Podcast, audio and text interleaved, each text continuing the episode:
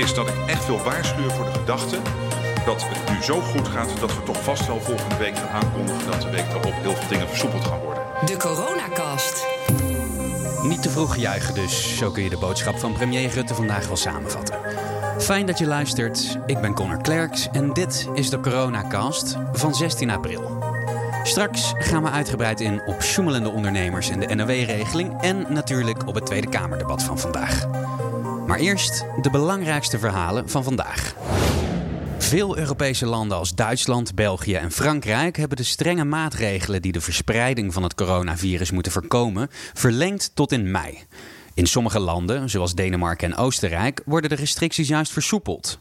Nederlanders krijgen op 21 april te horen of de huidige maatregelen ook na 28 april van kracht blijven. Een groot deel van de ZZP'ers lijkt financieel gezond genoeg te zijn om de coronacrisis te overleven. 40% heeft een buffer waarmee ze het een jaar of langer uit kunnen houden. En dat blijkt uit onderzoek van TNO en het CBS. Voor 20% van de ZZP'ers dreigen wel grote problemen. Zij hebben een buffer voor hooguit drie maanden. Het aantal mensen met betaald werk is de afgelopen maand ongewoon snel gedaald, blijkt uit cijfers van het CBS. In maart zakte de arbeidsparticipatie naar 69,1% en dat is de sterkste afname in zes jaar. Het aantal WW-uitkeringen steeg met 4,3% ten opzichte van een maand eerder. Dan de RIVM-cijfers van vandaag. Het aantal doden door het coronavirus is met 181 gestegen naar 3315.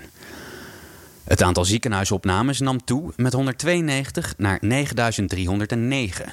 Het werkelijke dodenaantal is hoger omdat de registratie nogal wat beperkingen kent. Goed nieuws, voor de vijfde dag op rij is het aantal coronapatiënten op de IC's afgenomen. Het aantal uitkeringsaanvragen als gevolg van de coronacrisis in Amerika is deze week met 5,2 miljoen toegenomen. Dit maakt het Amerikaanse ministerie van Handel bekend. 84% van alle banen kan uitgevoerd worden met de anderhalve meter regel. Dat heeft de Rabobank berekend.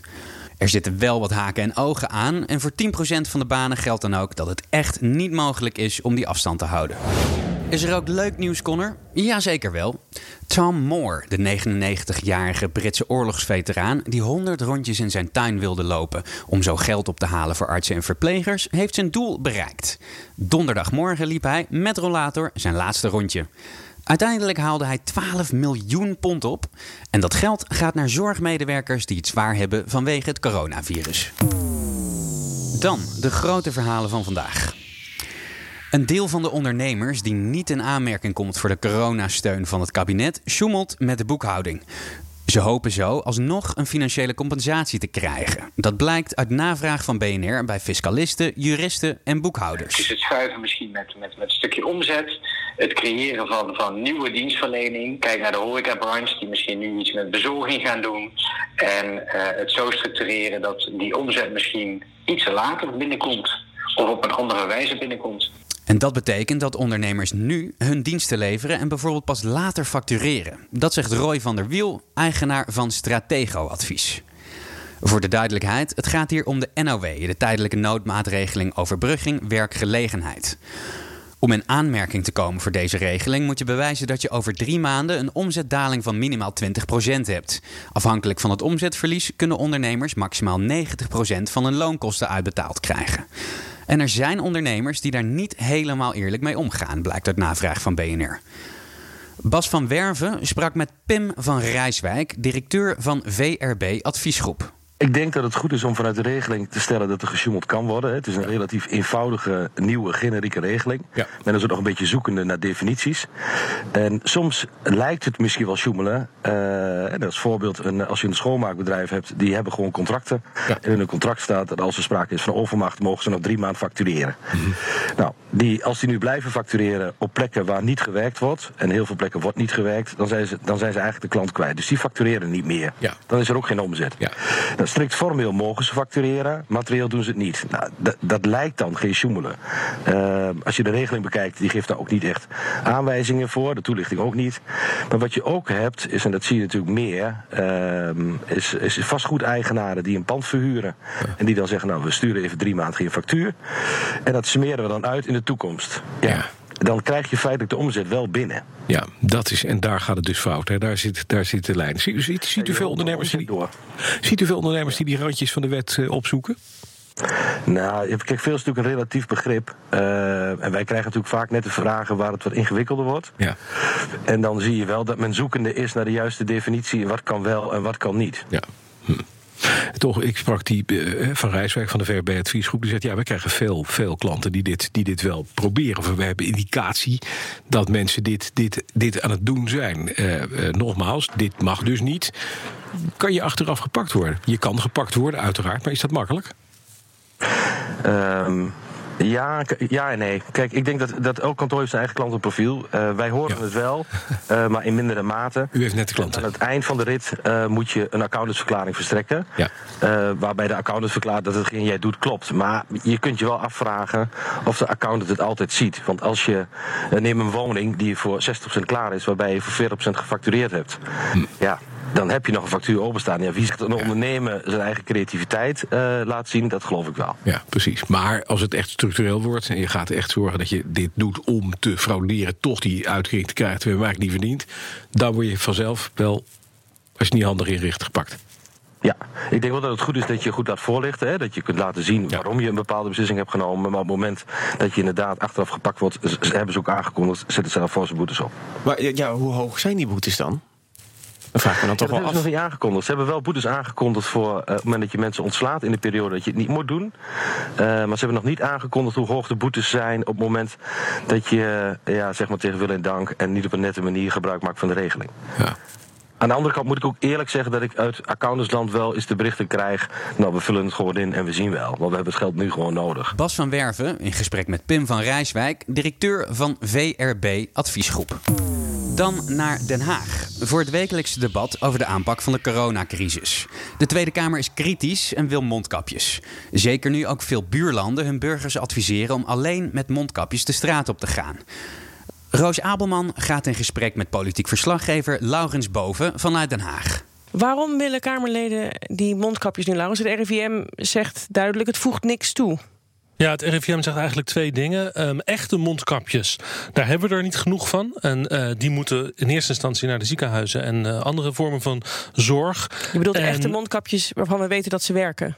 Precies, ja. ja die uh, N95 uh, mondkapjes, de luxe mondkapjes, die de virus ook echt tegenhouden. En al die zelfgemaakte mondkapjes, ik heb er zelf trouwens ook eentje thuis liggen, speciaal opgestuurd gekregen van familie in Oostenrijk. Nou, die zelfgemaakte mondkapjes, die creëren schijnveiligheid volgens het RIVM. Hè? Want mensen die, ja, die gaan dan misschien met een snotterneus toch gewoon de straat op, omdat ze denken dat dat doekje voor hun mond dan iets bijdraagt. Maar goed, heel veel buurlanden, Oostenrijk noemde ik al, hè, die zeggen toch van je mag alleen maar met dat soort mondkapjes op, bijvoorbeeld in het OV of bijvoorbeeld naar de supermarkten.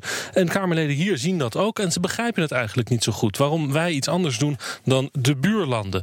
De Kamerleden. Wordt Nederlanders nu aanbevolen om geen mondkapje te dragen omdat mondkapjes niet zouden werken of omdat ze schaars zijn. Hoe kan het, is een andere vraag die ik heb, dat de productie in eigen land toch maar zo moeizaam op gang komt. Maar als je straks scholen weer wat gaan opstarten en middelbare scholieren gaan weer met het OV reizen, geldt dan in Nederland die vraag ook niet dat daar alternatieve vormen van mondbescherming toch nodig zullen zijn. Hoe komt het dan dat alle landen om ons heen, België, Duitsland, Oostenrijk enzovoort, mondkapjes wel verplichten of aanbevelen? Kan de minister hier in dit debat aangeven dat dat wel het geval is? Dat hij dat zal betrekken in de uitwerking van de exit-strategie? Op welke wijze mondkapjes voor de bevolking kunnen bijdragen aan die exit-strategie. Nou, inmiddels is uh, Mark Rutte aan het woord in het uh, debat. En ik hoorde hem net al even zeggen dat hij er ook wel een beetje hint op van... oké, okay, misschien moeten we toch even gaan nadenken over of mondkapjes niet toch ook een breder gebruik in Nederland uh, ja. moeten gaan krijgen. Ja, maar goed, interessant, dat, Laurens, want die nog. buurlanden die adviseren dus om met mondkapjes de straat op te gaan...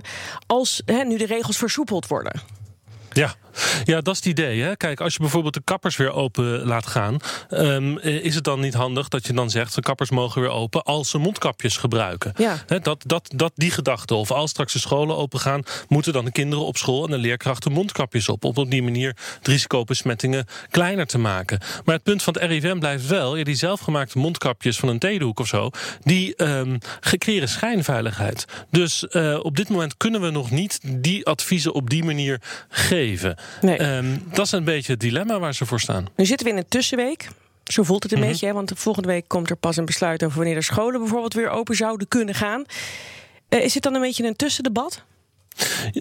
Niet helemaal. er begint heel voorzichtig toch ook al iets door te schemeren over hele zware, serieuze politieke vragen die beantwoord moeten gaan worden in de komende tijd.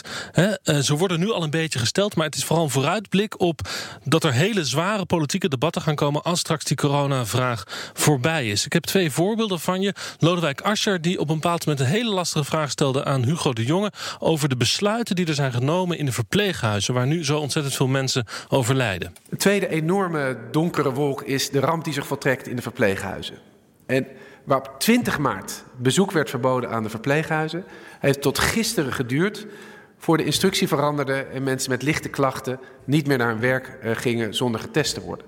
Een maand waarbinnen een enorme hoeveelheid besmettingen heeft plaatsgevonden. Het OMT heeft het over de oorzaak van restrictief testbeleid en de oorzaak van uh, te weinig persoonlijke beschermingsmiddelen. Ja, twee politieke besluiten dus, althans situaties die, eh, die, die zo zijn en waar het kabinet voor verantwoordelijk is. Te weinig testen en te weinig beschermingsmiddelen die dus hebben geleid tot mensenlevens. Uh, de mensen die mhm. zijn overleden. Tweede voorbeeld van een hele serieuze kwestie sneed Geert Wilders aan. En dat is dat de situatie dat er in februari nog heel veel Nederlandse mondkapjes en andere spullen zijn geëxporteerd naar China. Het is dan ook woestmakend dat op 10 februari, nota bene met medewerking van het ministerie van Buitenlandse Zaken, een vliegtuig met daarin miljoenen beschermingsmiddelen van Nederland naar China vertrok. Onze spullen, weg. Nou, ik, nogmaals, ik denk dat dit soort kwesties misschien nu niet vandaag echt eh, heel uitgebreid aan de orde gaan komen. Maar het geeft wel aan dat er onder deze crisis toch wel degelijk ook een politieke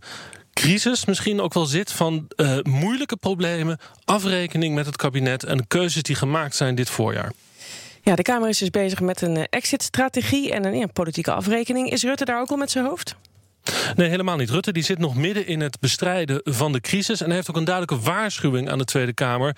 Denk niet dat het vanzelfsprekend is dat we volgende week al allerlei regels kunnen gaan versoepelen. Is dat ik echt wil waarschuwen voor de gedachte die ik hier en daar toch wel hoor, dat het nu zo goed gaat dat we toch vast wel volgende week gaan aankondigen dat de week daarop heel veel dingen versoepeld gaan worden. Ik weet het helemaal niet of dat zo is. Ik ben zelf echt helemaal niet zo vrolijk nog over de cijfers. we zien hier een heel vervelend virus, zei Rutte, wat we nog te weinig kennen en waar we echt um, rekening mee moeten houden dat dingen de andere kant op kunnen slaan als we te snel maatregelen versoepelen. Politiek verslaggever Laurens Boven in gesprek met Roos Abelman. Dit was de coronacast van 16 Morgen zijn we er weer. Tot die tijd zou ik zeggen, probeer een beetje te genieten van het mooie weer en hou vooral afstand.